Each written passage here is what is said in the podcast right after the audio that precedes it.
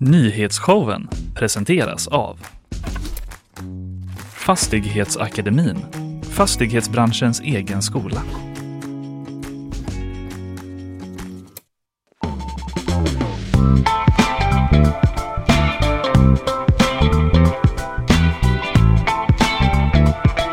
Ja men hallå! Det är ju nyhetsshowen. Eh, den är live från GP-huset som eh, den eh, brukar vara. Vad är det idag? 2 oktober. Kanelbullens dag närmar sig med stormsteg. Det ska vi inte viga hela sändningen åt idag. God morgon Karin! God morgon! Det är du som är med mig idag. Stämmer. Mycket trevligt. Mycket kul att vara här. Mm. Välkommen tillbaka. Du har ju faktiskt varit här en gång förut. Mm, när ni vann pris. Precis, då ryckte du in som den eh, hjälte du är. Eh, vad, vad ska du prata om idag? Du, jag ska prata lite om en grej som hände på Bokmässan mm. eh, som jag inte tror att du har hört talas om. Nej, jag har missat det helt så jag ser fram emot detta. Någon slags jag, kupp va? Ja, sen mm. ska jag prata om förskoletricket. Mm -hmm. eh, fördjupa mig lite i det och eh, lite om vägglöss. Åh, vad härligt. Vad ska du prata om? eh, du, en sprillans ny lag blir det. Den infördes eh, igår och eh, innebär då att polisen får nu använda hemlig avlyssning på ett helt nytt sätt. Mm. Känner du dig stressad över det här personligen? Inte alls faktiskt. Nej, skönt. Sen ska jag också då eh, berätta lite om eh, nya regler för dygnsvila som också började gälla igår, 1 oktober. Just det. Många grejer. Det påverkar eh, kanske lite särskilt vårdpersonalen. Hur känner du för att det är oktober? Ehm, jag är lite i chock. Jag tycker det är för varmt ute. Mm. Ja. Eh, men du, sen så kommer också Arne Larsson, vår politikreporter här på GP. Ja. Han, eh, vi ska prata med honom då om alla de politiska utspelen som har varit efter förra veckans väldigt våldsamma eh, dygn. Och sen blir det ju bakvagn också som vanligt. Jag har lite då om att eh, Nobelpriset är inte lika nice att vinna längre. Jag ska förklara mer sen vad det går ut på. Och att eh, Centerpartiet, de har kommit fram till att de vill sänka åldersgränsen på systemet. Ja, just det. Mm. Vad har du? Ja, jag ska snacka lite godis bland annat. Godis blir det? Ja. ja. Resten håller jag på. Resten håller du på? Ja. Härligt. Eh, måndag, vi eh, startar igång här. Vad, hur, eh, hur är känslan? Ja, men jättebra, men när man kommer in så här så är man ju, när man inte gör det här så ofta så är man ju bara i ett eh, ja, jag vet inte, bara en känslomässig bubbla typ. Och så kommer man in hit och så är ni så himla coola. så, så får man Karin. bara sätta sig i vagnen och åka med. Det är gött. Ja, du är så välkommen i den här vagnen som eh, vi kallar eh, nyhetsshowen. Tack. Eh, ska vi ta och eh, dra igång bara då? Mm. Du var på Bokmässan i helgen. Jag var där, eh, ja, i fredags. Mm. Vi gjorde en liten, eh, en liten sändning höll jag på att säga, men ett litet snack i GPs monter, jag, Kalle och eh, Fanny. Vilka kändisar såg du? Eh, alltså jag tror att jag var där under en timme. Jag såg ändå eh, Fredrik Strage, Leif Pagrotsky, Ebba von Sydow och Niklas Strömstedt. Då kunde de ändå på ett så... Ja, ja men jag har, har upprepat dem ganska många gånger för folk. Du glömde Kalle? Ja, eh, precis. Men honom ser jag ju varje dag så ja. det är inte så mycket, det är inte så coolt. Det är inte den glansen. Du, eh, det, det var ju en annan kändis där, David mm. Lagercrantz, han är väl där nästan varje år. Säkert. Han gjorde i alla fall mässa på en av sina senaste böcker gissar jag. Han satt och intervjuades i alla fall i GPs monter under lördagen. Mm. Uh, och av Maria Domelövik, vår kulturreporter. Om du inte har hört vad som hände så ska jag berätta då. Mm. Uh, han har nyligen, skrivit en krönika, det är okay. lite bakgrund då, i Expressen. Som heter Jag springer så fort Läckberg närmar sig. Mm. Ja, i den menar han att deckarförfattare är citat hopplösa, säger inte ett intressant ord, pratar bara om förlagskontrakt, är jättenoga med att ja, men snacka försäljningssiffror. Och, Jaha, han och tycker de är lite kommersiella? Ja, och ytliga. Ah. Väldigt viktigt att, vara, att vara väldigt snygg på Insta. Ja, okej. Okay. Ja. Mm. Eh, och så la han till också, har jag någonsin varit likadan så skjut mig på en gång.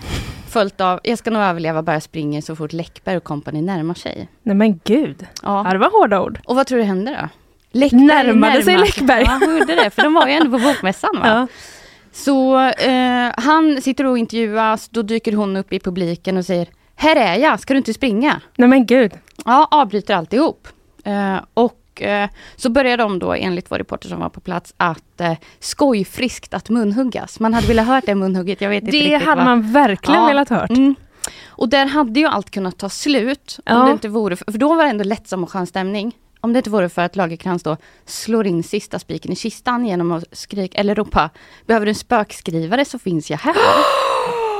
Ja. No he didn't! Den gjorde nog ont. Varför var jag inte här? Va? Alltså, varför var jag inte Eh. ja, där? Vad gjorde vi istället som Ja. var viktigare än det här? Man fattar inte.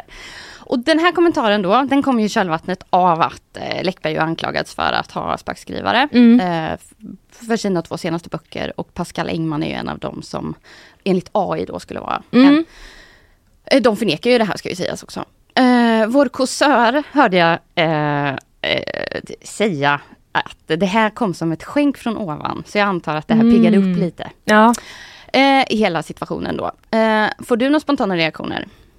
Eh, alltså jag hade ju velat vara där, känner jag väldigt starkt. Mm. Och sen, sen tycker jag ändå att, ja det har, det har ju onekligen hottat upp ett litteratursamtal. Ja, jag tänker det. Det skadar ju inte Nej. med lite drama. Eh, alltså jag tänker att den här krönikan publicerades kanske lite väl, med lite väl bra timing inför mässan. Den Mm. publicerades i fredags i Expressen. Mm. Kan man tänka sig att Lagercrantz faktiskt också visste att han, han skulle ju stöta på Läckberg? Det Eh, måste han ju ha vetat. Ja, så att han kanske, han kanske, det här kanske var lite planerat att skapa en liten beef för att få lite mer uppmärksamhet och lite media. Mm. Det är som vanligt att jag alltid går på såna här grejer. Ja, Och kan, inte misstänker ett dugg att det kan vara någon som har tänkt eh, i förväg. Då är jag cynikern här då. Alltid så här för mig. Ja.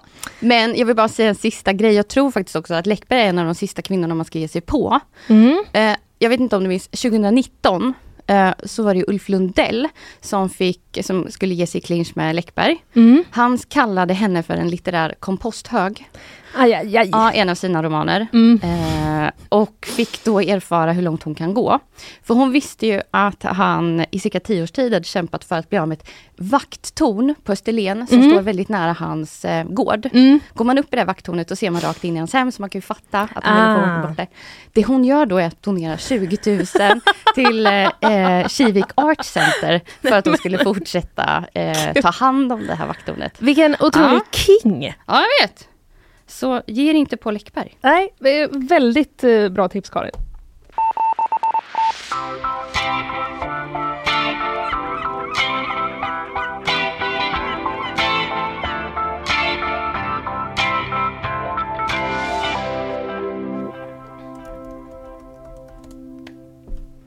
Knappeli-knapp. Knapp eller knapp eller knapp som eh, det låter när man startar igång måndagsmorgonen. Morgonen. Så är det. mm.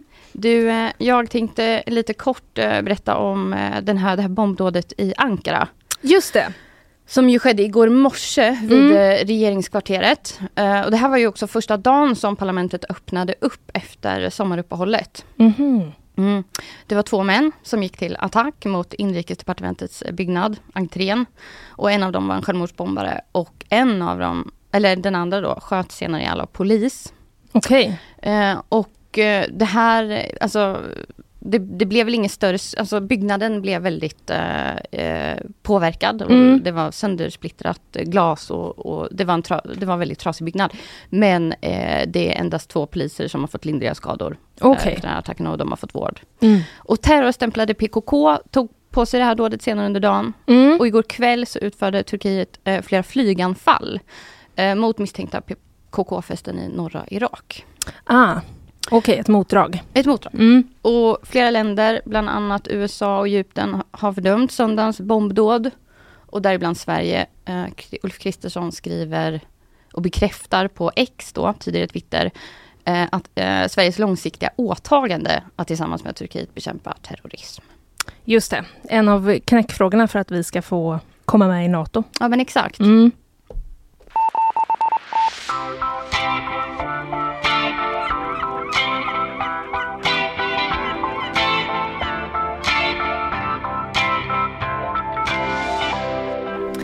Igår då, eh, en sprillans ny lag Karin, Mm. fick vi. Mm. Polisen får nu använda telefonavlyssning mot personer utan att ha en konkret misstanke om brott. Mm. Mm.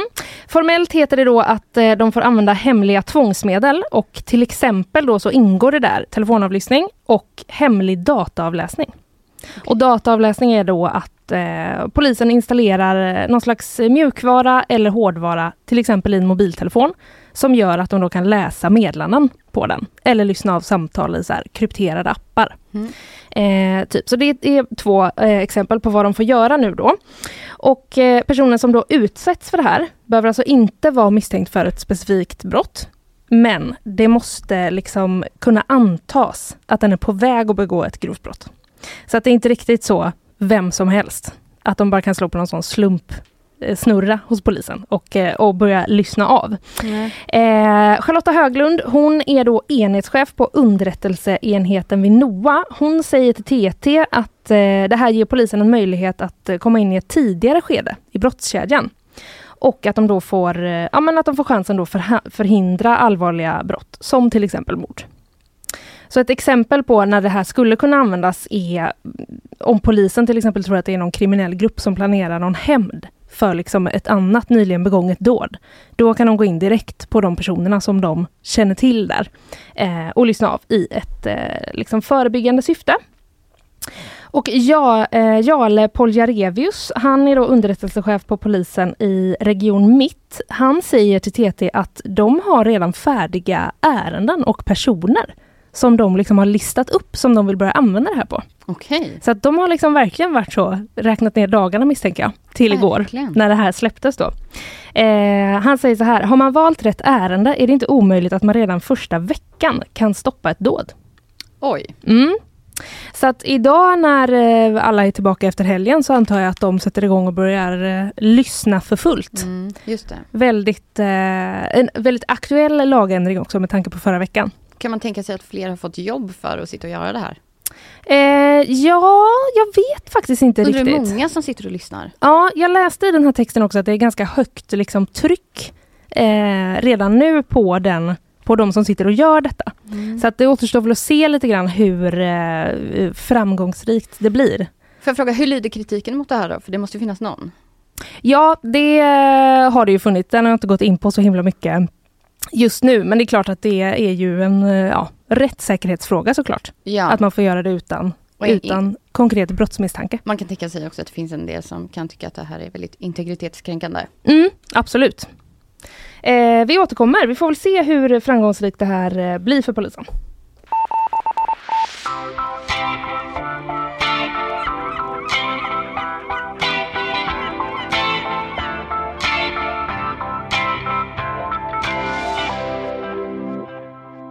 Nyhetssvep eh, får vi eh, alldeles strax, men innan dess eh, tar vi och lyssnar på våra sponsorer. Nyhetsshowen presenteras av Fastighetsakademin, fastighetsbranschens egen skola.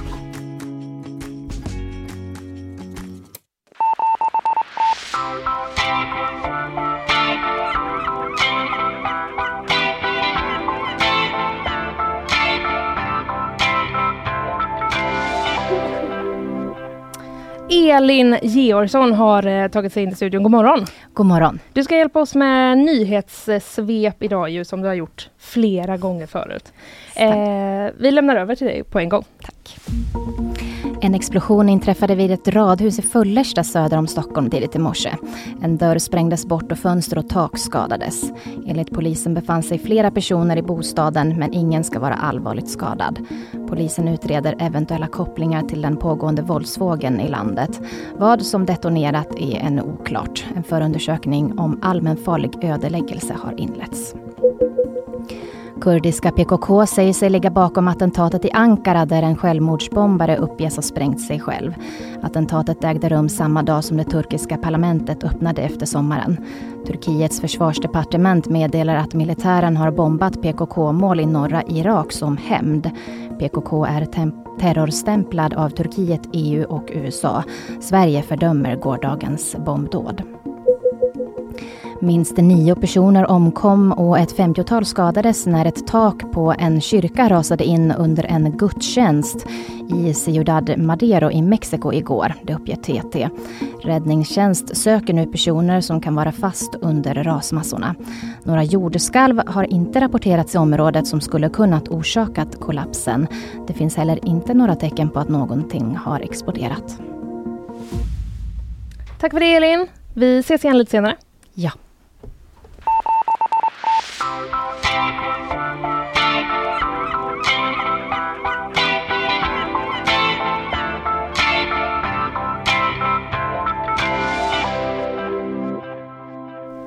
Känner du till förskoletricket?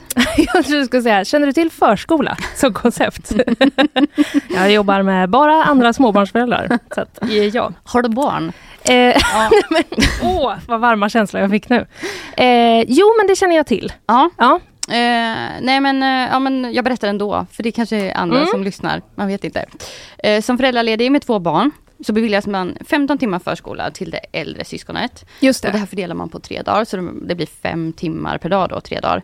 Och det här tycker vissa är alldeles för lite. Eh, tycker de som kanske har fullt upp med sin nya bebis och vill få sova lite och amma i fred och kanske ta en promenad i Slottsskogen.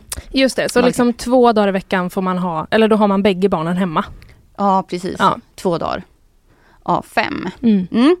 Och därför då har man i ett antal år kunnat lura, eller därför, men man har kunnat lura systemet i ett antal år. Mhm. Eh, och anmäla sig till en kurs på högskolan eller universitetet. Eh, för då kan man beviljas tio timmar till på förskola. Just det. Så då kan du ha stora syskonet på förskolan fem dagar i veckan då. Mm. Och det här har då en del gjort. Senaste kollen i september, då var det eh, ja, men, ungefär 300 drygt som var anmälda av förskoleföräldrarna i Göteborg till kurs. Eh, och det är ungefär 15 procent av alla föräldralediga. Just det, men då ska man också plugga med eh, ett eh, kanske relativt nyfött barn. Ja, jag, jag kan Hur Nej. går det till? Nej, det hade jag absolut inte orkat. Jag, man stirrade ju bara rakt ut i luften kändes som, även om man typ försökte ta, sig, ta, ta till sig någonting. Ja, när fattar. du var föräldraledig? Ja, Ja. ja Netflix gick rakt över huvudet. Liksom. Man får en sån amningshjärna också. Så förstår. sitter det någon där och läser någon sån skitsvår statistikkurs. ja, Ja, det, usch, det är människor jag inte vill umgås med. Mm. Nu vet man i alla fall på förskoleförvaltningen att det är många som inte fullföljer de här kurserna. Ja, Mm. För fram tills eh, nyligen så, eh, man kontrollerade inte de, det här så noga. Det var bara att anmäla sig, skicka in en registrering till förskoleförvaltningen och sen så var det bara Mhm. säga hej då till Bob Dylan, 10 högskolepoäng. Nu, och sen gå till något café då Mm. med sin bebis. Men då har alltså kontrollen av förskoleföräldrarna skärpts nu. Mhm. Så nu gör man fler stickprovskontroller. Och istället för att eh, tidigare fråga universiteten om de pluggar Mm. där så hör man av sig direkt till, eh, till föräldrarna. Man kanske jobbar Oj! lite på deras samvete och sådär. Vad gör man då? Ställer man en sån fråga? Du pluggar ju eh, antikens Grekland. Antikens, ja, eh, vad hette den här eh, kejsaren? Ja, det, Fan hade, vad svettigt. det hade ju varit ett aggressivt sätt. Ja det hade det. Se- hade säkert funkat. Mm. Eh, kan skicka det som tips kanske. eh, Men de kanske frågar lite mer bara. Eh, pluggar du? Ja, det tror jag. Och så ska man börja svettas då Ska man, gör ljuga eller ska man inte? Mm, Mm, mm. exakt. Och eh, så där, bara där så kanske de eh, eh, vinner mycket då. Mm. Men sen så ska man också efter, i alla fall i centrum, för där finns det en hel del föräldrar som eh, tydligen fuskar då. Mhm. Eh, Där så sk- skickar man ett brev med ett krav på att två månader efter att de har börjat plugga så ska de visa att de är aktiva på något sätt. Något bevis på det. Jaha. Och det här har gett effekt, för nu så säger de att, eh, alltså på förvaltningen då, att eh, för första gången så är det vårdnadshavare som ringer och, och eh, med svansen mellan benen och säger att de, eh, de inte fullföljt sina studier. Åh vad jobbigt. Ja, Och behöva göra ett sånt samtal, vad Ja. pinsamt. ja men exakt. Men det är klart, det kan ju också hända att man tänkte att man skulle plugga. Och Absolut, att det inte det gick sägas. eftersom Ja, ja. man hade annat att fokusera på så att säga. Exakt. Ja, Okej, men de har blivit hårdare med det alltså. För att det minns jag att eh, när vi, det, vi skrev ju någon artikel här på GP om det i våras eller vad det var. Då kändes det som att liksom, eh, vi, vi så blottade ett litet möjligt fusk och att folk kanske blev lite så. Just det. Oh. Jag tror det var ännu tidigare. Ännu tidigare var det kanske. Ja. Än i våras, men Mm. det kanske stämmer. Jag Mm. vet inte. Eh, ja. Sen så är det säkert de föräldrar som tycker att det här handlar inte bara om att gå och strosa runt och liksom, utan att man vill att, ens, att det här syskonet då faktiskt ska få någon meningsfull vardag. Mm, Vilket man kanske det. har svårare att ge Mm, än när man har en bebis på armen. mm. Mm. Vi får väl se om det väcker någon eh, debatt helt enkelt om hur mycket man får ha ett stora syskon på förskola. Ja. Mm.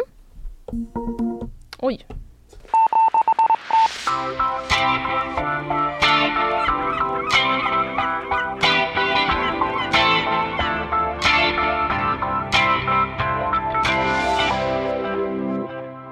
Jag fortsätter fokusera på gårdagen väldigt mycket. Kul! Det har jag valt som tema och sen har jag valt nyheter då efter eh, det. Nej, det stämmer inte, det är bara en slump. Men eh, det var ju inte bara den här nya lagen utan det var också nya EU-regler som började gälla igår. Eh, när det då kommer till dygnsvila. Och det här är något som kan ha en stor påverkan på vården. Eh, Martin Håland som är ordförande för Vårdförbundet i Västra Götaland, han säger till oss på eh, GP, vi vet att det här kommer ställa till problem. Mm. Inom då till exempel eh, vården och eh, räddningstjänsten och andra yrken så är det ganska vanligt att man jobbar dygnspass. Alltså att man jobbar liksom ett helt dygn och sen är man ledig lite längre efteråt.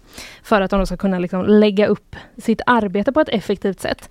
Eh, får, de får inte sova under det dygnet? Jo men det tror jag. Mm. Jag vet inte exakt men jag förutsätter att man, eh, det var man som eh, på räddningstjänsten är det ju sådär att brandmännen liksom går och lägger sig och sen vaknar de om det går ett larm. Det. Mm. Ja, det känns ju nästan omänskligt att dyng, alltså vara vaken ett helt dygn. Eller? Mm, jag vet inte. Ja. ja. Nej men de har i alla fall eh, långa, långa arbetspass eh, och sen är de lediga lite längre då. Eh, men de nya EU-reglerna nu då, de säger att man ska ha minst 11 timmars dygnsvila. Alltså att man då ska vara ledig minst 11 timmar varje dygn så att man kan typ sova och eh, återhämta sig. Eh, och det här har då ställt till det bland annat för eh, ambulanshelikoptern här i Göteborg. Där jobbar personalen sådana här dygnspass och det finns också en, eh, det finns liksom en strategi i Västra Götalandsregionen om att de eh, läkare och sjuksköterskor som bemannar den här helikoptern ska komma från olika, alltså vi har ju fyra olika sjukhusförvaltningar i Västra Götaland. Så då vill man att liksom alla de fyra ska vara med. Så att eh, man har liksom lokal närvaro mm. eh, även i ambulansen. Och då finns det alltså eh, personal som pendlar från liksom Skaraborg till Säve flygplats där ambulanshelikoptern står. Mm -hmm. och flera av dem har då tydligen flaggat för att de inte kommer jobba kvar om de här dygnspassen försvinner. För det blir inte värt det då? Nej det blir ju liksom eh, mycket mer ofta pendling, tänker jag mig. Så det måste bli jättelånga restider för dem. Eh, verksamhetschefen och överläkaren då Per Anell, han är rädd att det här kan innebära att eh, ambulanshelikoptern blir kvar på marken. Vi sätter en heder i att bedriva något som vi tror är Sveriges bästa verksamhet för luftambulans. Det här är ett akut hot mot dess förmåga, säger han. Eh, och för just ambulanshelikoptern då, det blir ingen förändring där direkt idag eller igår. För att där har man gjort då en lokal överenskommelse. Så att de kommer fortsätta med det här upplägget de har med dygnspass fram till 1 februari. För då kan man nämligen söka dispens för att eh, tillfälligt då kunna fortsätta med dygnspass. Eh, men som sagt, det är då en tillfällig dispens man kan få och det är inte heller säkert att man får den. För det är ganska höga krav eh, på vilka som ska få dispens för det här. Det står eh, då tydligen i EU-reglerna att det ska beviljas med stor restriktivitet. Mm. Så att, eh, det är ju inte helt säkert att det går igenom. Eh, läkare, räddningstjänstpersonal och eh, personal inom eh, LSS, det är då sådana grupper där man har tecknat ett avtal om att vi väntar till första februari. Vi kör på på det gamla sättet. Men för sjuksköterskor och undersköterskor, där gäller då från och med igår 11 timmars eh, dygnsvila. Mm. Och det är liksom lite splittrat ska jag säga också i vad vårdpersonalen tycker om detta egentligen. Många, eh, Kristin eh, Martila som är sektionsordförande då på Kommunal på Östra sjukhuset. Hon säger till oss på GP att eh, vissa tycker då helt enkelt att det är bra Alltså folk tycker lite olika. Vissa tycker kanske att det är jätteskönt att få lite mer återhämtning varje dygn och inte jobba så långa pass. Men andra tycker liksom att det blir svårare att få ihop livet utanför jobbet då. Mm, om man ska hålla på och liksom duttjobba om jag får kalla det så. Mm. Eh, och inte ha lika lång ledighet efteråt. Och eh, Martin Håland då som jag nämnde i början, han tycker att regionen har varit liksom ganska sena med att förbereda för den här omställningen. Med att jobba fram liksom scheman och alla sådana grejer. Och eh, fackförbunden kontrollerar då de här schemaförslagen så att de uppfyller kraven. Men de kan liksom inte se när de kontrollerar det kan de inte se om arbetsgivaren kommer klara att fylla alla passen. För det kan ju bli en utmaning eh, då. Så att den typen av liksom effekter väntas man kunna se mer tydligt nu när man faktiskt har gått över till det nya. Om det kommer att liksom ställa till problem mm. eh, och ge liksom någon slags lägre bemanning på något sätt. Eh, Maria Aleniusson då, HR-direktör på Sahlgrenska, hon säger att eh, det är omöjligt att svara på eh, om och hur möjligheten att erbjuda invånarna vård kommer att påverkas av de här eh, schemaändringarna. Och hon ska säga också, hon tycker inte att man har varit eh, sent ute. Hon säger att man har jobbat intensivt, men att eh, man också kan behöva göra justeringar. Och samtidigt är ju det här också en ny eh, regelförändring. Så att det kommer liksom fortfarande olika tolkningar på vad det är som gäller. Men så är det alltså. Eh, sjuksköterskor och undersköterskor här i eh, regionen får eh, nya scheman helt enkelt från och med igår. Ja. Och GP har ju skrivit mycket om hur det här påverkar vården. Mm. Och så, där. så vill man ha ännu mer bakgrund så finns det ju mycket att läsa om eh, 11 timmars eh, Oh vila ja! Det finns, eh, gpt.se. det finns som man kan fylla hela dagen nästan. Mm.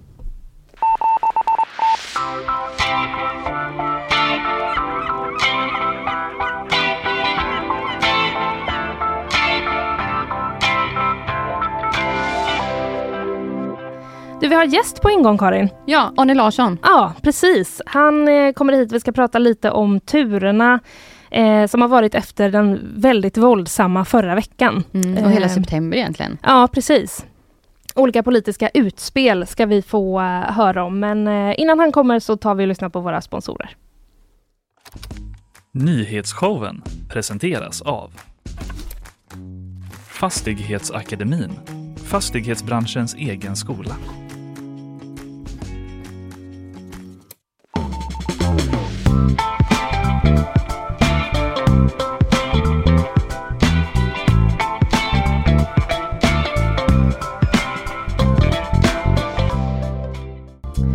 Sen eh, det extrema dygnet förra veckan då tre personer miste livet i gängrelaterat våld under loppet av 12 timmar så har politiska utspel och presskonferenser avlöst varandra. Alla verkar vara överens om att läget är extremt allvarligt men eh, inte nödvändigtvis är man överens om vad man vill göra för att bryta den här utvecklingen. Med oss nu för att ta oss igenom alla turer och eh, vilket typ av politiskt samarbete som krävs för att stoppa det här grova gängvåldet har vi Arne Larsson, GPs politikreporter. God morgon! God morgon. Du, eh, jag tänker vi börjar direkt eh, i torsdags då när Ulf Kristersson höll ett tal, tal till nationen med anledning av då det här eskalerade dödliga gängvåldet. Han ville ju i det då visa på eh, handlingskraft och att eh, allt liksom ligger på bordet som han sa. Och så passade han ju också på att liksom kritisera tidigare regeringen lite för att inte ha gjort något. Vad, vad tycker du att liksom innehållet i det här talet säger om det politiska klimatet som vi har just nu i Sverige? Mm. Ja, men det finns ju egentligen ingen stark tradition att hålla sådana här tal till nationen i Sverige. Det är väldigt, väldigt sällsynt och eh, eh, så därmed finns det ju ingen mall men poängen på något sätt borde ju vara, eller brukar ju vara, att man vill samla och ena nationen. Och det som Ulf Kristersson gjorde här var ju lite det motsatta. Dels pekade han ut ganska tydligt, så, som vanligt får man väl säga, eh, invandringen, den dåliga integrationen som orsaken till det våld vi ser nu. Eh, och det blir ju på ett sätt att, att splittra. Det är ju ändå trots allt då eh, två miljoner människor någonstans som är födda utomlands och ganska många fler som har invandrarbakgrund. Och om man då eh, mer eller mindre antyder eller pekar på att det är den gruppen som är problemet så är ju det splittrande i sig. Eh, dessutom, vilket ju kanske var ännu mer anmärkningsvärt, var ju att han mer eller mindre högläste ur Tidöavtalet och berättade om allting som regeringen gör och eh, ska göra och inte sådär omfamnade oppositionen och försökte liksom mana till nat nationell samling och, och säga att detta ska vi lösa tillsammans utan snarare pekade på att den tidigare regeringen hade skött detta dåligt men nu ska det bli ordning på torpet. Så att det det där har ju överraskat många, till och med eh, borgerliga ledarskribenter har undrat vad han sysslade med. Mm. Eh, och det det säger om läget i svensk politik det är väl eh, ganska mycket att regeringen eh, tillsammans med Sverigedemokraterna vill lösa detta på egen hand. Man vill inte bjuda in till någon slags bredare samling, vilket kanske hade varit eh, mer väntat i det här läget om man nu tycker att det är så besvärligt som jag tror att många svenskar tycker. Varför vill man inte bjuda in de andra då? Ja, det, det, är ju svårt att veta men jag tänker att eh, de har väl lite fastnat i det här eh, att detta är en viktig politisk fråga där de ska plocka viktiga politiska poänger och sen tycker de säkert på riktigt att den förra regeringen skötte det dåligt och att man är övertygad om att man själv har en bättre linje då, bättre väg framåt för att lösa det här. Apropå det här med att visa handlingskraft så är ju en av de sakerna eh, att militären ska stötta polisen nu då. Hur är det tänkt att det ska gå till? Ja, men det här har ju varit en diskussion som har varit eh, ganska plågsam på många sätt och, och också eh, mycket missuppfattningar som har eh, flugit omkring. Och, och, grejen är ju att detta är extremt laddat. Eh, I Sverige så hjälper militären inte polisen och det har historiska orsaker. Eh, vid en strejk i Årdalen 1931 så kallades militären för att bistå polisen och det hela spårade ur rätt ordentligt. Militären började skjuta och fem personer dog och efter det har det varit totalt tabu att prata om att militären ska stötta polis. Eh, och det, den händelsen sitter väl så djupt att den också har fört tankarna ganska fel för många. Eh, för det som regeringen har pratat om här det är ju att eh, militären ska hjälpa till med expertkunskap till exempel när det handlar om sprängningar och sådär som de ju kan saker om. Eller transporter, alltså att man kan använda militära helikoptrar till exempel eh, när det har hänt någonting.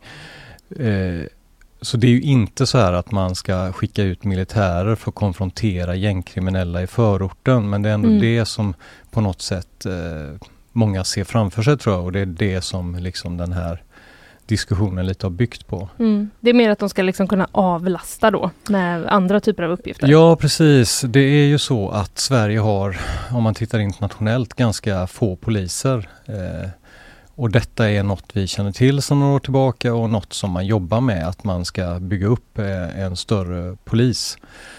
Eh, men fram, det tar ju tid såklart och fram till det att det är gjort så kanske polisen behöver avlastning av andra myndigheter när det är extrema situationer och det är väl snarare det problemet man vill komma åt än att man vill liksom sätta extra tryck i utsatta områden genom att skicka dit liksom folk med ännu tyngre vapen. Men mm. det, det, så det där har blivit lite kanske tokigt i tankebilden tror jag. Mm. Finns det några lagliga hinder då? Alltså behöver man ändra några lagar eller sådär för att militären ska kunna hjälpa polisen på det här sättet? Ja, om man vill göra något annat än precis det som är aktuellt just nu då, det här med experthjälp och transporthjälp, då behöver man ändra lagar. Och det absolut, den diskussionen är ju också på bordet just nu. Sen vad den tar vägen är ju alldeles för tidigt att säga, men eh, om man ska ha liksom beväpnad militär på gatorna på ett annat sätt än idag, då mm. behöver man titta på lagarna. Mm. Vi ska inte fastna i det här med militären, men en sista fråga bara. Vad, vad säger oppositionen om det? Magdalena Andersson har väl verkat ganska positiv också? Ja, och det där gick ju blixtsnabbt. De har ju alltid varit extremt tveksamma till det här. Eh, överhuvudtaget på vänstersidan i politiken är ju den här eh, Ådalshändelsen 31 ett mycket starkare trauma. Eh, så för både S och V och MP så är det ju, har det alltid varit extremt liksom en främmande tanke att militären ska kunna hjälpa till. Men eh, den senaste veckan så har Socialdemokraterna ändrat sig där och öppnat för att militären på något sätt ska kunna bistå. Sen om det bara är liksom de här sakerna som har varit uppe på bordet nu eller om de också kan tänka sig pilla i lagen. Det får väl framtiden utvisa. Eh, Richard Jomshof då, Sverigedemokraterna, han har ju också varit ute med liksom några förslag. Han vill sänka straffmyndighetsåldern till 13 år och så vill han då satsa på återvandring, alltså att man vill få fler personer att liksom lämna Sverige. Har, har, finns det något stöd för det här bland de andra Tidöpartierna? Ja, alltså om vi börjar med återvandring så är ju det en eh, sak som, som redan sker så att säga. Det finns den som vill eh, återvandra kan få visst ekonomiskt bistånd eh, från Migrationsverket för att då komma igång i, i sitt gamla hemland igen. Det, det är ju något som eh, både SD och även partier eh, liksom utanför parlamentet längre bort åt samma håll så att säga pratar ganska mycket om att man behöver få folk att återvandra. Eh, sen är ju det ingen massrörelse om man säger så. Det är ganska få som utnyttjar den möjligheten och eh, riktigt hur man ska göra för att komma åt de grupperna man väl antagligen helst vill komma åt, det, det är ju högst oklart. Eh, för det hjälper ju inte om liksom, hedliga och skötsamma individer eh, som tycker att nu är det lite lugnare i mitt gamla hemland mm. flyttar hem igen. Utan mm. eh, Gissningsvis vill man väl att grovt kriminella ska lämna landet och om de gör det eh, för att de får 10 000 i bidrag från Migrationsverket, det kanske är liksom svårare att tänka sig. Mm. Mm. Eh, har det fått stöd från övriga Tidöpartier? Ja, det finns med i Tidöavtalet som en av mm. punkterna och det är egentligen inte så eh, Eh, kontroversiellt på ett sätt för att redan innan regeringsskiftet så fanns den här möjligheten och det fanns möjlighet till ett visst ekonomiskt bistånd om man nu ville eh, flytta hem igen så att säga. Men du, eh, jag bara tänkte på det här med att han vill sänka straffmyndighetsåldern då till 13 år. Finns det också med i nej, nej, det är väl snarare ett nyare förslag. Däremot så finns det ju eh, planer på att bygga ungdomsfängelse. Mm. Idag så sitter ju folk som är, alltså unga lagöverträdare kan ju inte dömas till fängelse utan de sitter på något som heter SIS-hem. Mm som har kritiserats av en herrans massa skäl. Dels för att det oftast funkar väldigt dåligt och kanske gör folk mer kriminella än de var innan de hamnade där. Eh, men också för att det verkar väldigt lätt att ta sig därifrån om man inte mm. har lust att sitta kvar där. Många rymningar har ja, det varit där. Precis. Mm. Eh, ja. Ja. Kör Karin. Ja, nej men jag tänkte fråga, det är väldigt mycket repressiva åtgärder ändå som lyfts fram av regeringen och av oppositionen. Är det någon som lyfter förebyggande åtgärder för att till exempel eh, minska ny nyrekrytering till gäng. Mm. Jo men det, det lyfts ju rätt friskt också men det är ju inte där som den nuvarande regeringen och Tidöavtalet lägger den stora tyngden. Utan där är det liksom huvudfokus på de mer repressiva åtgärderna.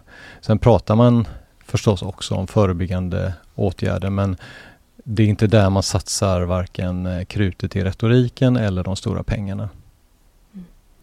Eh, polisen har ju också hållit, alltså under förra veckan så var det ju ett, en rad pressträffar. Eh, men de har ju också hållit liksom lite mer på övergripande nivå om våldsvågen. Vad, vad säger de där? Vad, vad, vad ska de göra eller vad kommer de med för besked? Mm. Alltså beskedet eh, tyckte jag var lite spretigt så tillvida att eh, de ganska mycket slog sig för bröstet för vilken bra koll de har på läget. Eh, det pratades bland annat om att de har koll på ungefär 150 adresser i Stockholmsområdet där det bor då så potentiella måltavlor för de här sprängdåden. Eh, sen medgav de ju att de har inte personal och resurser att hålla koll på alla adresser samtidigt såklart. Men det var ändå mycket det där att vi ligger steget före och vi vet eh, liksom vilka som är aktuella och vilka som kan bli aktuella. Eh, och det, det, kan ju vara så och det är väl gott och väl men samtidigt så är ju facit just nu ganska förskräckande. Här på morgonen eller under natten har det varit ytterligare två sprängningar i Stockholmsområdet.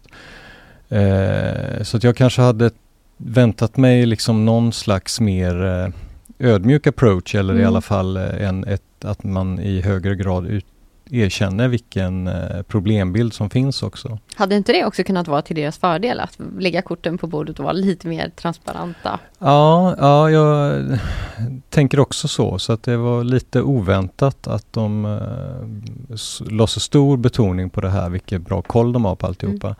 För det är ju inte säkert att det gör alla människor tryggare här och nu när vi ändå ser att det händer en del elände. Mm. Vad finns det kan man säga då, alltså, nu, du var inne på det i början att Ulf Kristersson kanske inte är så himla sugen på ett samarbete med andra partier över blockgränsen, men vad eh, ja, hur ser det ut med det? Kan det komma att bli några liksom överenskommelser? Några breda sådana? Ja, eh, det parlamentariska läget gör ju att de egentligen inte har något behov av det. Alltså om de är övertygade om att de har en bättre politik så har de ju full eh, möjlighet att genomföra den eftersom de har majoritet. Alltså regeringen och Sverigedemokraterna har majoritet i riksdagen mm. så att på det sättet så behöver de ju inte ha några breda överenskommelser. Eh, så att det är väl just nu är det snarare delar av oppositionen som har sträckt ut handen och vill vara med och samarbeta men det verkar inte riktigt som att det kommer bli sådär något jättebrett här och nu. Kanske diskussioner eh, brett men eh, rent liksom, praktiskt så behöver ju inte regeringen den hjälpen. Mm. Både polis och politiker får ju ofta kritik för att de inte gör tillräckligt och eh, i det här fallet då för att stoppa eskaleringen av gängvåldet. Men vad har man gjort då? Man har ju gjort ganska mycket egentligen under flera års tid. Eh, vi pratade om att polisen är underbemannad och det där är ju något som eh, redan den förra regeringen började jobba med. Man byggde ut eh, fler platser på polishögskolorna, inrättade en ny utbildning i Borås till exempel för att skala upp liksom att antalet poliser ska bli fler.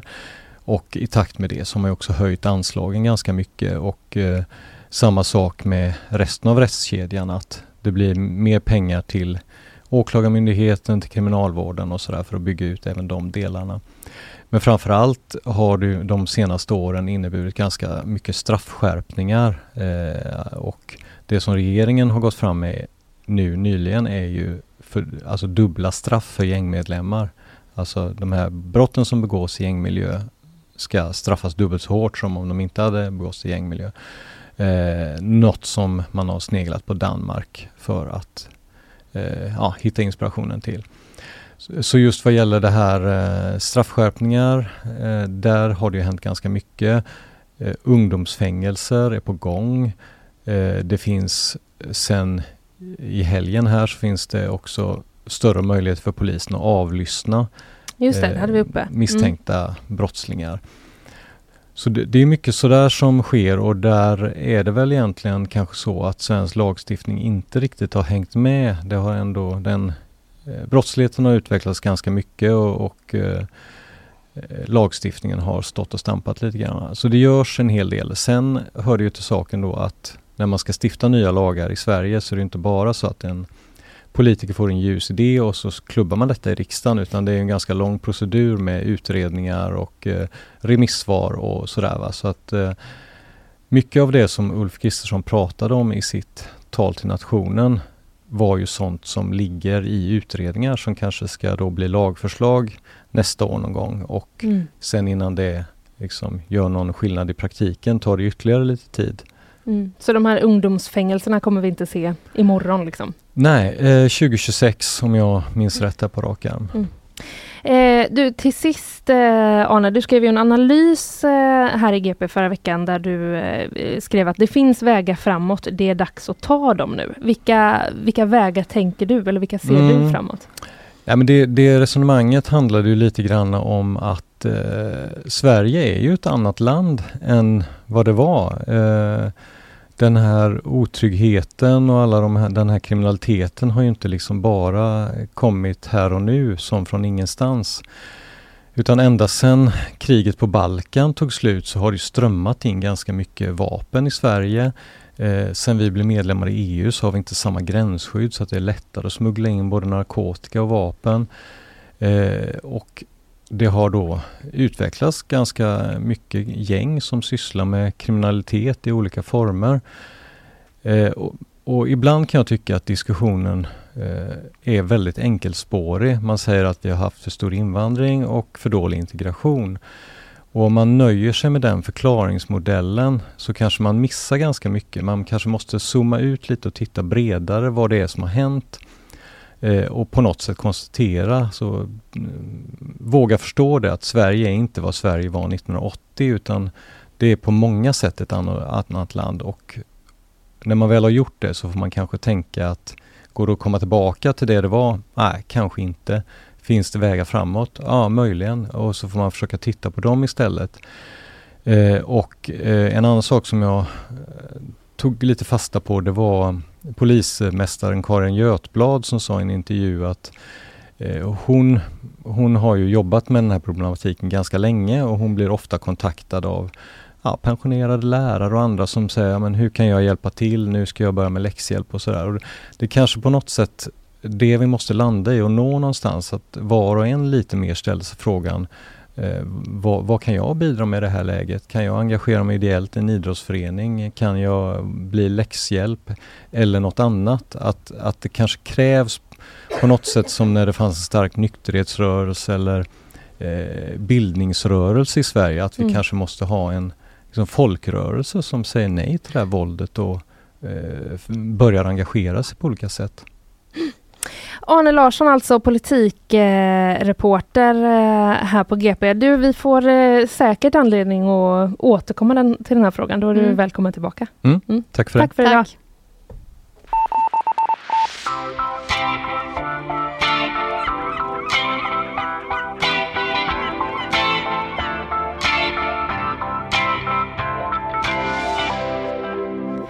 Nyhetssvep är på ingång, eh, Karin. Eh, Du får, du får liksom... Ska jag dra det? Nej, jag höll på att säga sluta hoppa på stolen. Det kommer snart. Ja, ja. Ja, lugna ner dig. Ja. Mm. Eh, men innan dess eh, så lyssnar vi på våra sponsorer. Nyhetsshowen presenteras av Fastighetsakademin, fastighetsbranschens egen skola.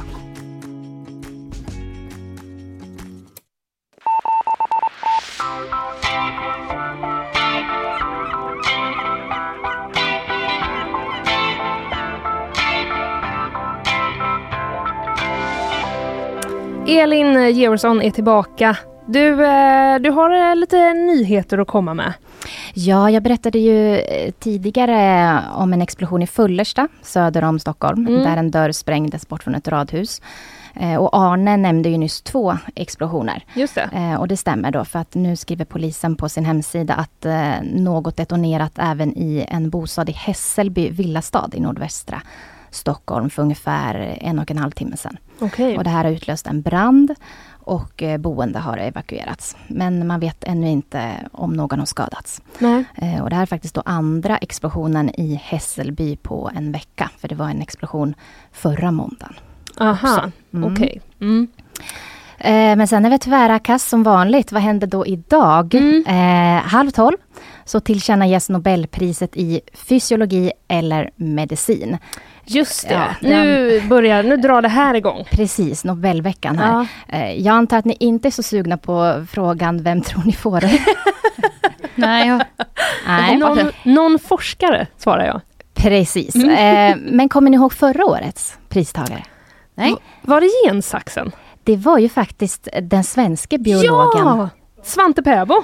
Stämmer, Svante Mm. Pääbo var det som fick det. det. Och han fick det ju då för sina upptäckter inom mänsklig evolution. Just Eh, det var ju då utvecklandet av metoder för att kunna göra det möjligt att analysera eh, DNA från neandertalare.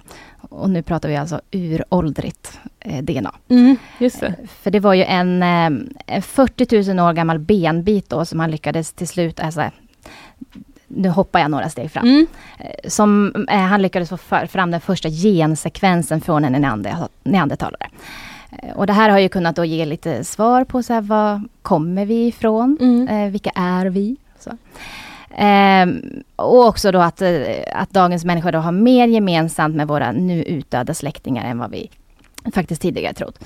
Eh, men också att eh, fertilitet, smärttröskel, risken att bli svårt sjuk i covid, eh, covid-19 kan påverkas av gener från neandertalare som en del av oss då bär på. Mhm. Eh, och det här är då inget eget eh, påstående utan nu läser jag från Karolinska institutet. Hänger de, hänger de ihop då? Att om man har lättare att bli smittad av covid så har man Ja, det kan vara... Ja, de, fertilitet? Nej, kanske inte inbördes så, men... eh, Men, Men var de- för sig Ja, har var det en för viss sig påverkan. så kan generna då, och det här är då Svante Pääbos vidare forskning då, Mm. eh, tillsammans med andra då på Karolinska. Så. Undrar om det Mm. Kommer snart ett sånt litet hemtest där man kan så testa hur mycket neandertalare man är. Hade ni gjort ett sånt då? Ett sånt svabba innanför kinden med en tops? Och så få tillbaka någon procent? Nej, det hade jag inte vågat. Nej. Eh, Karin? Jo, men kanske. Man undrar ju om käkbenen liksom. Ja, absolut. Karl? Karl är sugen. Utveckla den Hade här du? affärsidén direkt. Eh, nej, nej, det tror jag inte. Men vad skulle det förändra? Jag vet inte. Jag vet faktiskt inte. Nej. All right. ja men eh, spännande. Det var ju ändå kul att det var en svensk eh, liksom, vinnare Precis, förra året. och Då. eh, dessutom hade ju hans far, hans pappa hade ju, fick ju också Nobelpriset Just det. eh, på 80-talet, 1982 då, Sune Bergström. Oh, Wow. Tufft att växa upp i den familjen efter de här två. Oh, Okej, Verkligen. men, Men, ta... finns det någon lågoddsare här då? Eh, tippas det? Det gör det säkert, men, och jag försökte kolla lite där, men eh, ja, det är ju liksom lite klurigt vad det är de... Sysslar med. Ja, Vi kommer få veta. Vi Halv tolv.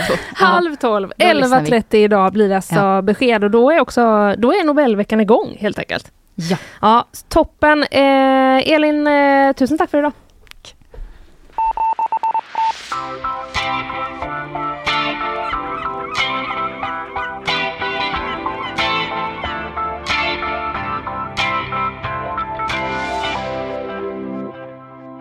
Jag trodde hon skulle prata om vilka som ska vara med På spåret.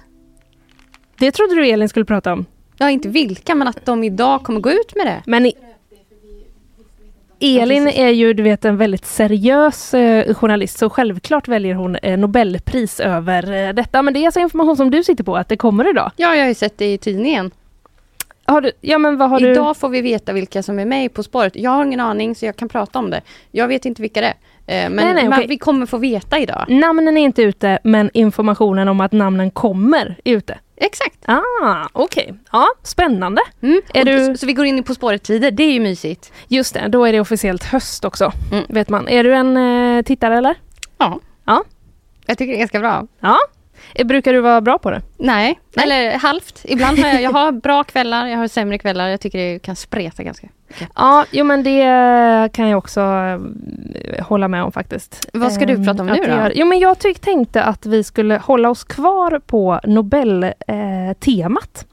För att på eh, TT eh, skriver att den svaga kronan, den har vi pratat om förut, eh, gör då att Nobelpriset blir allt mindre värt. Är inte det en sorglig konsekvens? Jo, Bland alla andra sorgliga konsekvenser såklart. och då att det skulle bli mindre krona. värt att vinna ett Nobelpris då för att, på grund av den svaga kronan. Ja, man får ju prispengar. Mm. Och de får man ju liksom i, eh, ja men de bestäms ju i svenska kronor. Just det. Eh, så att eh, TT skriver då så här att trots årets, eh, att årets prissumma är högre än någonsin så är priset värt mindre för utländska pristagare än vad det var för 20 år sedan. Oj! Det är ändå en ganska stor skillnad, eller? Mm, det är det. det, är det. Det är ändå ett ett sätt att eh, eh, förstå också hur eh, svag vår eh, tragiska lilla krona är nu för tiden. Vet, du, eh, vet du hur mycket det låg, eller, låg på förra året? Ja. Eh, nu ska vi se här. Nej, 20... Jag har siffror. TT har då... Ja, TT har valt ut några år under de Ja. här 20 åren. Så då kan man se till exempel att 2023, då var eh, prissumman 11 miljoner. Eh, ja, och eh, i, i dagens penningvärde är det då eh, ungefär, eller nej, vi får ta det i amerikanska dollar såklart, så vi har någonting att jämföra med. 11 miljo, eh, 10 miljoner svenska kronor, det motsvarade då 2020 eh, 1,2 eh, miljoner amerikanska dollar. Mm. Nu är det tidigt på morgonen och det är mycket siffror. Häng i. Jag behöver inte höra dollarn. Nej, men den avgör ju lite för att alltså, det, var, det var ju 10 miljoner svenska det, kronor just det, vi ska 2020. jämföra. Ska Mm. jämföra. Ja. Och i år så är det 11 miljoner eh, svenska kronor. Mm. Men eh, jag tar dem bara i amerikanska dollar. Det kanske blir enklare. 2020 var det då 1,2 miljoner amerikanska dollar. Eh, och 2023 års prissumma är knappt 100 000 amerikanska dollar, skriver eh, TT. Ja, det Det är är ju en otrolig skillnad. Ja, det är det verkligen. Man önskar att eh, om man nu är en sån som har kommit på något väldigt smart på sistone så önskar man att man kanske hade gjort det lite tidigare. Absolut. På grund av det här lilla raset. Men det är ju också såklart äran som eh, man vinner. Det är inte bara pengarna Karin. Nej, alltså jag har ju aldrig trott att det är så mycket. Eller jag har inte tänkt på pengarna alls. Nej, Eller vad hade du valt? Vinna Nobelpriset utan att få några pengar eller få 11 miljoner då? absolut få 11 miljoner. Ja. Vad hade Ja. du valt? Eh, jag får nog fundera lite, jag kan återkomma till det. Men jag tror kanske... Ja, jag tar nog också pengarna. Ja, För det skulle vara så himla från det blå att jag vann ett typ Nobelpris i kemi. och, så, och jag vet inte vad jag ska göra med det priset då. Eller så, jag kan inte fortsätta forska vidare, jag kan inte åka och föreläsa, jag kan inte göra någonting med det här. för du ställde också frågan som att det var lika, eh, som att det ändå var en reell chans att både du och jag hade kommit på någonting som vi Ja. skulle kunna få Nobelpriset för. Ja, Ja, nej men det är väl en, eh, det är väl en rimlig fråga. Men om, om någon frågar mig idag, eh, pengarna hade jag tagit. Ja. Men eh, de är helt enkelt eh, ja, lite mindre värda nu men eh, det får man väl komma ihåg där ute att eh, pengar är ju faktiskt inte allt här i livet.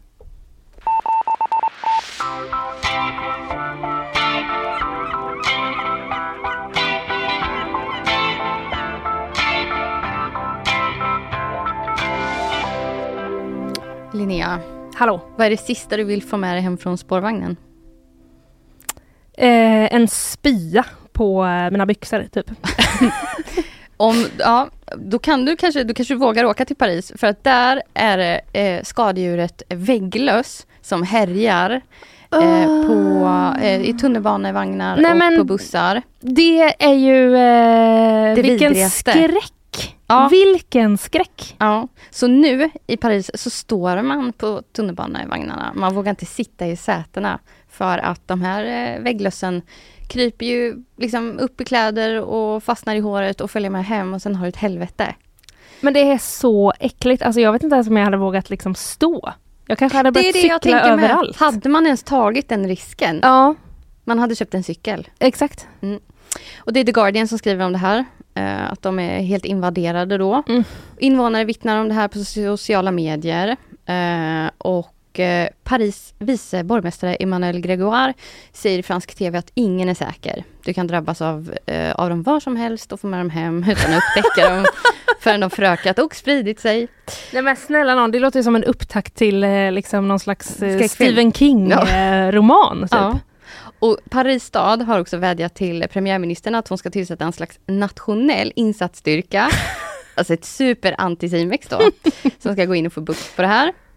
För det kommer ju så himla olägligt där, för nästa år Mm. så ska OS arrangeras i Paris. Nej. Jo, man har ju liksom bjudit in hela världen va. Ja. Eh, Och när man det då är ändå lite pinsamt då. men det är ju Och det. bjuda in hela världen och säga, men eh, ha gärna skyddsdräkt i våra spårvagnar. Exakt, alltså skadedjur Ja. är ju så pinsamt. Det är väldigt pinsamt. Det, jag tänker bara, bara man får hem gäster själv. Man vill inte ha bananflugor ens i fruktskålen. Nej, nej. Nej, det är ju... Eh, gud, jag var på ett café häromdagen. Det var liksom en, alltså det var en sån stor svärm av bananflugor Mm. ovanför alla liksom bakverken. Så att det var helt... Ja, Ja, för det, det det, det liksom för ju tankarna till att det är snuskigt bara. exakt. Och- Det är någon slags dålig hygien. Dålig hygien ja. Antyds att Och det behöver eh, det man har. absolut inte vara. Nej. Så. Nej, precis. Eh, jag har haft bananflugor hemma. Det, det kan hända den bästa, höll jag på att säga.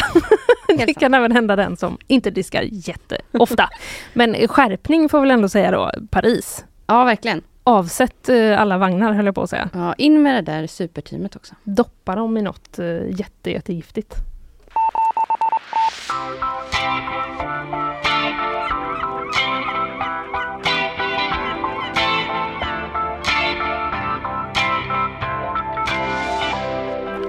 Jordgubbar Karin! Det är gott. I oktober! Nej, du skojar! Jo, nej det gör jag inte. Jag är helt allvarlig. På gp.se eh, så läser jag Här finns det jordgubbar att plocka ända in i oktober. Eh, Ja, Mm. jag vet inte. Jag kan känna lite så här, nu har man ju ätit det hela sommaren, eller? Måste vi, måste vi hålla på? Vet, ja, men, eh, vet du, jag tror att eh, kanske typ för eh, mig så passar det här ganska bra för att eh, det blev liksom inte så mycket jordgubbar av i somras för Mhm. mig. Och jag försökte även åka till ett självplockställe men då Mhm. var det slut.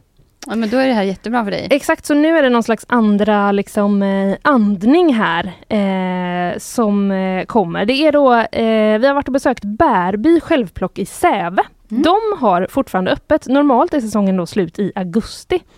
Eh, vi pratade med jordgubbsgudarna, så vi är jätteglada, säger den nya ägaren Faride Javanbacht. Ja, jordgubbsgudarna. Ja, men är det inte också bara klimatkrisen är här, eller?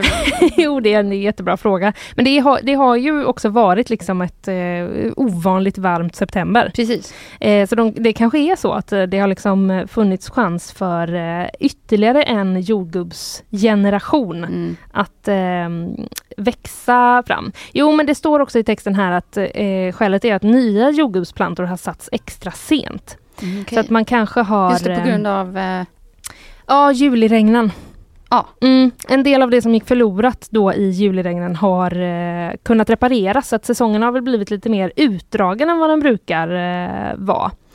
Eh, ja, det, Farida berättar här att eh, de började ganska tidigt i april-maj med planteringen och hade då en omgång jordgubbar till midsommar. Men sen, sen planterade de om och då kom översvämningarna som förstörde 80% av alla odlingar.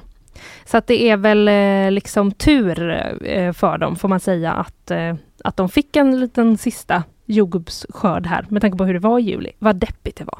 Ja, ja det var deppigt. Ja, eller hade du också så här att du var någonstans där det var jättebra väder? Som I- alla andra på nyhetsshowen? I juli nej. Nej? Nej, nej, nej. Vi, jag pottränade mitt barn inomhus. Det var vidrigt. Vi trodde vi skulle kunna vara ute. Det kan vi inte. Wow, Knäckte mig efter två dygn. otroligt! Karins semester 2023. nu kör vi! Potträning inomhus. Ja, nej men eh, det verkar i alla fall vara så att eh, det fortfarande finns då chans att eh, reparera den här regniga juli som vi alla hade och eh, bege sig ut till Säve och plocka Kom, lite kom, jordgubbar. Kommer du göra det? Eh, jag har ingen bil heller så att eh, det blir liksom en heldagsutflykt för mig. Det är lite oklart. Jag kanske bara köper frysta Ja, det finns ju och faktiskt. blundar och låtsas. Vi får se.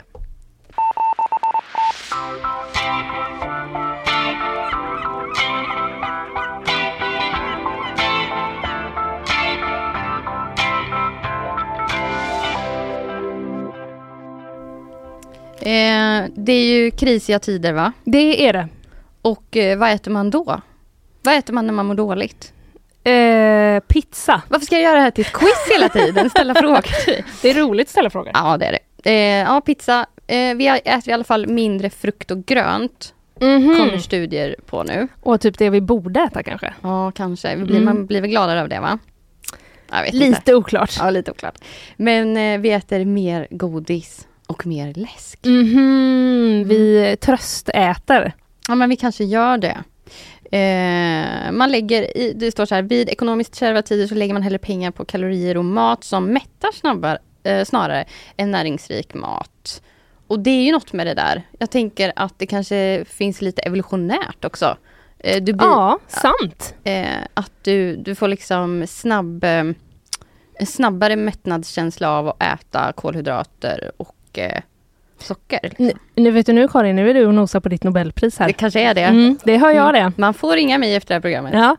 Nej men det, ja precis. Det är en, en tröstätning och en, eh, kan det vara liksom att eh, man inte behöver så laga godis. Det är bara att stoppa i munnen så att säga. Det är, ja, precis. Ganska enkelt. Exakt. Ja. Och kanske att man i krisiga tider känner bara, nej men vi tar en mysig kväll till. ja.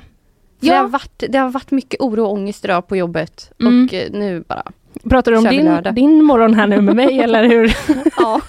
Jag kommer stå i godishyllan här om en timme. Ja. Nej. Nej men eh, ja, så kan det ju vara i alla fall. Eh, frukt och grönt, det bortprioriteras, kan ju också ha med priser att göra såklart. Just det. Enligt siffror från branschorganisationen eh, Svensk dagligvaruhandel så har vår konsumtion av nyttigheterna då minskat med 6,5 procent jämfört med för ett år sedan. Eh, Aj, aj, och- aj, Ja, aj. ja, så är det. Det är så himla svårt att göra rätt eh, kan man känna ibland eller? Ja, det är det. Det är liksom, vi- tar emot och eh, snacksa på en broccoli tycker jag. Alltså nu ska jag, vara, nu ska jag ändå vara den som Ja, den. var det, den. Nej, jag tycker det är jättegott. Ja men det är gott men du måste ju, du måste ju göra massa grejer med den. Eller tar du liksom ett huvud och bara går runt och... Nej, jag kokar det i salt och vatten. Men eh, Ja. när vi ändå är inne på det, ska, vi, ska inte du dra ditt eh, otroliga eh, middagstips? jo det kan vi göra. Det är ju väldigt länge sedan vi, eh, jag delade med mig av det här till dig. jag glömmer aldrig. Nej det är otroligt och när du påminde mig häromveckan så gjorde jag ju det direkt Mm. och blev så nöjd. Nyfiken nu, Carl? håll, håll i hatten Karl. Middagstipset är alltså att eh, I samarbete med Fiskvagnen. alla olika fiskvagnar, eller vilken som helst. Kör. Nej men det är att man, eh, man kokar potatis, man köper en riktigt god skagenröra och så köper man lite körsbärstomater. Och sen är det klart. Det är middag. Middag man får. Det är så otroligt gott. Eh, kanske jag ska äta det ikväll. Ja, jag det är ju kanske. lite dyrt bara om man, om man tar en riktigt bra skagenröra. Men, eh, men eh, eh, framgångsrecepten då? För dig och mig i alla Jag fall. tycker det är magiskt.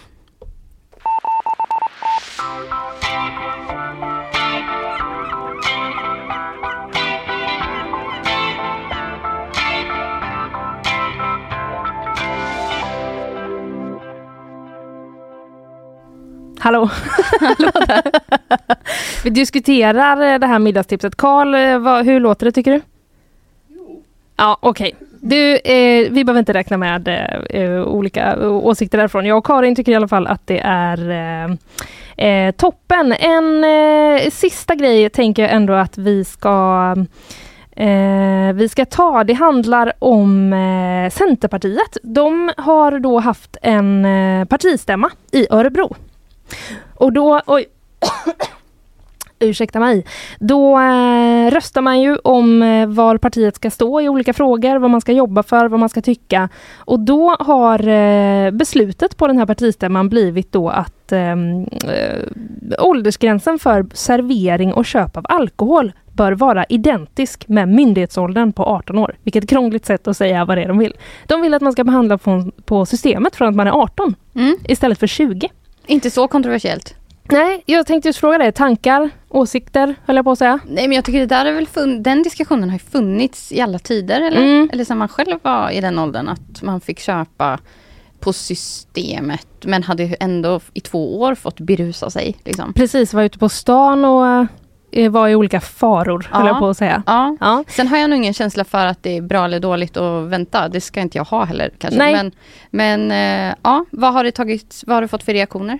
Jo, men eh, det här är då en fråga som kommer ifrån ungdoms och eh, Eh, studentförbunden. De, eh, de har då drivit på. Hmm, kan det vara en typisk ungdomsfråga känns det som ändå. Eh, men de har då drivit på det här och partistyrelsen har då ställt sig bakom. Melinda Prick, centerpartist från Växjö, säger så här. Man får som 18-åring alltså köra stridsvagn, skjuta men inte köpa alkohol. Kan vi inte prata om det istället? Ska vi höja åldersgränsen för när man får skjuta? Ja, jag har inte Köra sagt det men eh, ja, det, jag visste inte att det var det. Men det får man ju. Det får man ju. Ja, precis, när man Mm. gör lumpen. Liksom. Exakt. Så att, eh, det var väl ett argument då eh, kanske som tog, men det var också flera som var emot. Mm. Som Kerstin Sjöberg, då, centerpartist i Norrköping. Vi har åldersgränserna som ett skydd. Det handlar om hjärnans mognad och erfarenhet. Ja, Karl skriver här att han är glad att han inte fick handla på systemet när han var 18. Ja, då hade det, Då hade det... Då då hade det inte du- gått bra. Nej, då hade det inte gått bra. Nej, det ser oro, oroväckande ut. De har tydligen också ehm, röstat om eh, att riva upp Systembolagets monopol, men där blev det ett nej. Mm. Där är man fortfarande för eh, eh, Systembolaget. Ma- majoriteten var tydlig. Men hur går det med gårdshandeln då? Ja, vet du vad? Det undrar jag med. Det står det faktiskt ingenting om i eh, den här eh, artikeln. Det har vi gång. mycket om. Gårdsförsäljning av alkohol, ja. Det känns som man läser det nästan varje Mm. dag Mm. en gång eh, i tiden.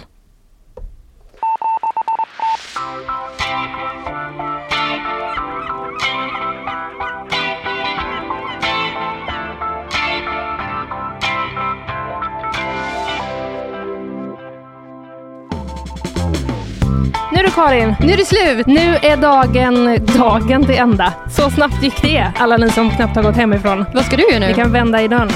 Eh, du, jag ska gå och ta en kaffe och eh, snickesnacka lite, tror jag. Mm, Trevligt. Eh, vad har vi pratat om idag? Vill du börja berätta? Eh, förskoletricket. Mm. Eh, nu, nu, från och med nu så är det svårare att eh, liksom, runda systemet och eh, låta barnen gå på förskola om man inte pluggar. Just det, om man bara säger att man pluggar men inte gör det. Exakt. Mm. Eh, just det, jag pratade om den här nya lagen som infördes igår om att polisen alltså får eh, använda hemlig avlyssning på ett nytt sätt. Berätta lite om det och sen om eh, de här reglerna med dygnsvila som eh, verkar ställa till det i bland annat vården och hos räddningstjänsten. Jag har också, prat, förlåt, jag har också pratat lite om bombdådet i Ankara igår Just det. och, och motoffensiven efter det. Och sen så har jag pratat lite om eh, Camilla Läckbergs kupp ja, på det. Bokmässan. Och allt det här kan man läsa om på gp.se. Precis, man kan läsa där eller ska man lyssna eh, på början om man missade den i eh, vilken liten poddspelare som helst som man känner för. Arne Larsson var ju här också och vi pratade om de politiska utspelen eh, efter eh, den våldsamma veckan som vi hade eh, förra veckan. Han eh, sammanfattade lite grann vad det är som har hänt. Och sen så är vi ju här där vi är nu. Karin, eh, du tusen tack för idag. Ja, men tack, det var jätteroligt att sitta här med dig. Ja, du är välkommen tillbaka. Tack. Eh, vi säger så då. Vi gör det. Hej så länge. Hej då.